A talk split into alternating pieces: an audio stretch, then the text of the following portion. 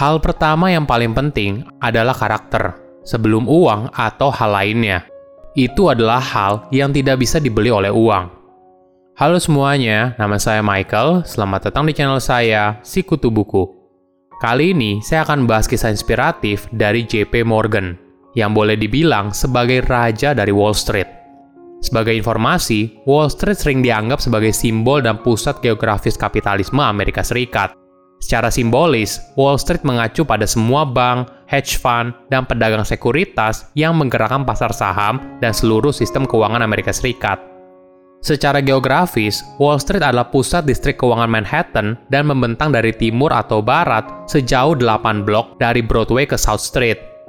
Sebelum kita mulai, buat kalian yang mau support channel ini agar terus berkarya, caranya gampang banget.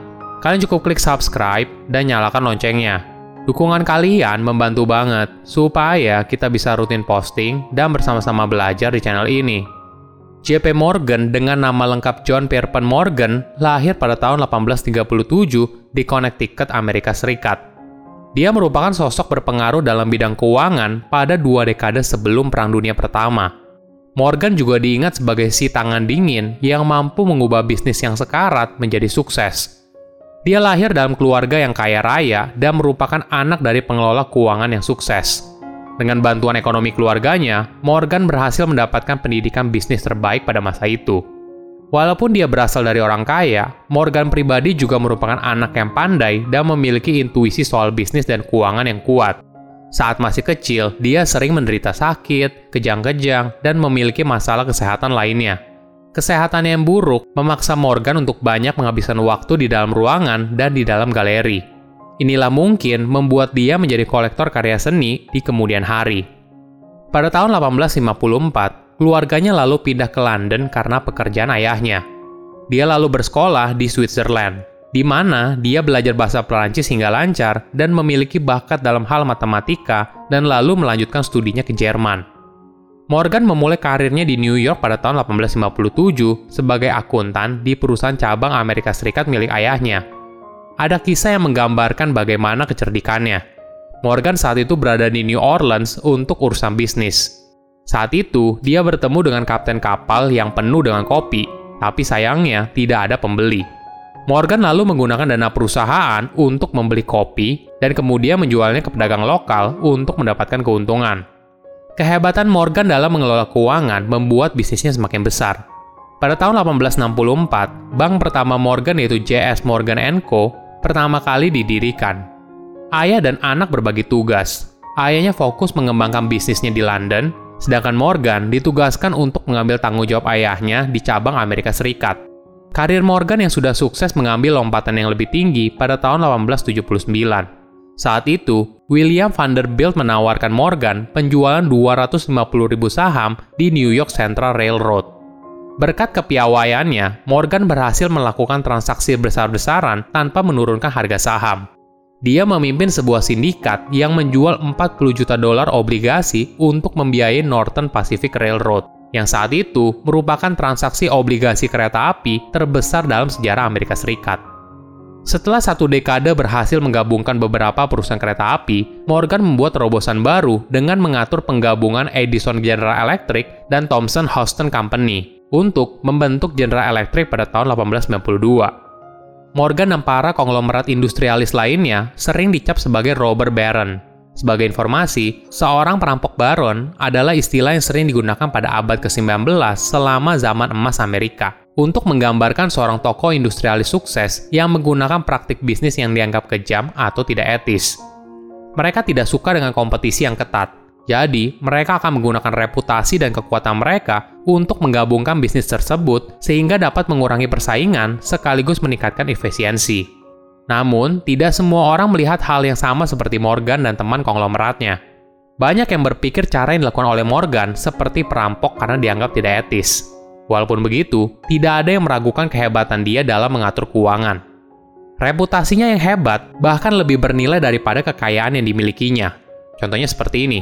Bank yang dimiliki Morgan saat itu tidak memiliki ukuran yang cukup besar untuk melakukan penjaminan dalam penawaran publik atau menangani masalah obligasi tanpa bantuan dari sektor keuangan yang sedang berkembang. Namun, setiap kali banknya menjadi bagian dari sindikat bank tertentu, maka akan berhembus kabar kalau seolah-olah Morgan yang memimpin proyek tersebut. Hasilnya, penawaran publik tersebut berjalan sukses berkat reputasi bank pemberi penawarannya, bukan fundamental perusahaan. Ini yang memperkuat persepsi publik tentang Morgan sebagai wajah dari Wall Street. Selama era Morgan, Amerika Serikat tidak memiliki bank sentral, sehingga dia menggunakan pengaruhnya untuk membantu menyelamatkan negara dari bencana keuangan selama beberapa kali krisis ekonomi. Pada tahun 1895, Morgan membantu menyelamatkan standar emas Amerika Serikat ketika dia memimpin grup perbankan untuk meminjamkan lebih dari 60 juta dolar kepada pemerintah federal. Pada kesempatan lain, kepanikan keuangan pada tahun 1907 membuat Morgan mengadakan pertemuan dengan para pemodal terkemuka di rumahnya di New York dan meyakinkan mereka untuk memberikan dana talangan kepada berbagai lembaga keuangan yang goyah untuk menstabilkan pasar. Morgan juga dikenal secara luas karena memimpin bursa perdagangan Amerika Serikat di Wall Street untuk keluar dari krisis keuangan pada tahun 1907. Namun, pada tahun-tahun berikutnya, banyak orang menuduh Morgan terlalu berkuasa dan dianggap mampu manipulasi sistem keuangan untuk kepentingan sendiri. Hingga akhirnya, pada tahun 1912, Morgan dipanggil untuk bersaksi di depan Komite Kongres Amerika Serikat soal dugaan adanya money trust sebuah komplotan kecil pemodal elit Wall Street, termasuk Morgan, yang diduga berkolusi untuk mengontrol perbankan dan industri Amerika Serikat. Dampak dari kejadian tersebut, akhirnya Amerika Serikat membentuk sistem bank sentral yang bernama Federal Reserve System pada bulan Desember 1913 dan mendorong pengesahan Undang-Undang Antitrust Clayton pada tahun 1914. Ada sebuah kisah yang menarik. Suatu hari, seorang pria asing mendekati Morgan dengan membawa sebuah amplop sambil berkata, Tuan, di tangan saya ada formula yang dijamin bisa membuat Anda sukses. Saya dengan senang hati akan menjual formula ini kepada Anda seharga 25.000 dolar. Morgan lalu menjawab, Tuan, saya tidak tahu isi amplopnya. Namun, jika Anda menunjukkannya dan saya menyukainya, saya berjanji sebagai seorang pria terhormat akan membayar sesuai permintaan Anda. Pria itu lalu menyetujui persyaratan yang diajukan oleh Morgan dan menyerahkan amplopnya. Morgan kemudian membukanya dan mengeluarkan selembar kertas. Dia melihatnya sekali, lalu mengembalikan selembar kertas itu kepada pria tersebut, mengeluarkan buku ceknya, dan membayar pria itu 25.000 dolar. Apakah kamu penasaran isinya? Surat ini berisi dua poin. Pertama, setiap pagi, tulislah daftar hal apa yang perlu dilakukan hari itu. Kedua, lakukan Walaupun terlihat sederhana, namun pesan ini memiliki dampak yang signifikan apabila seorang benar-benar menjalankannya. Ini adalah bagaimana kamu menyusun prioritas hidup. Apakah kamu bersedia mengorbankan kesenangan jangka pendek demi kebahagiaan jangka panjang? Apakah kamu bersedia menabung sekarang demi kondisi keuangan yang lebih stabil di masa depan? Hidup pada dasarnya adalah soal bagaimana kamu buat pilihan dan prioritas. Pilihan yang benar akan membawamu kepada masa depan yang kamu inginkan. Uang sama dengan bisnis, bisnis sama dengan kekuasaan. Namun, semua ini berasal dari karakter dan kepercayaan. Silahkan komen di kolom komentar pelajaran apa yang kalian dapat ketika tahu informasi ini. Selain itu, komen juga mau tahu informasi apa lagi yang saya review di video berikutnya. Saya undur diri, jangan lupa subscribe channel YouTube Sikutu Buku. Bye bye.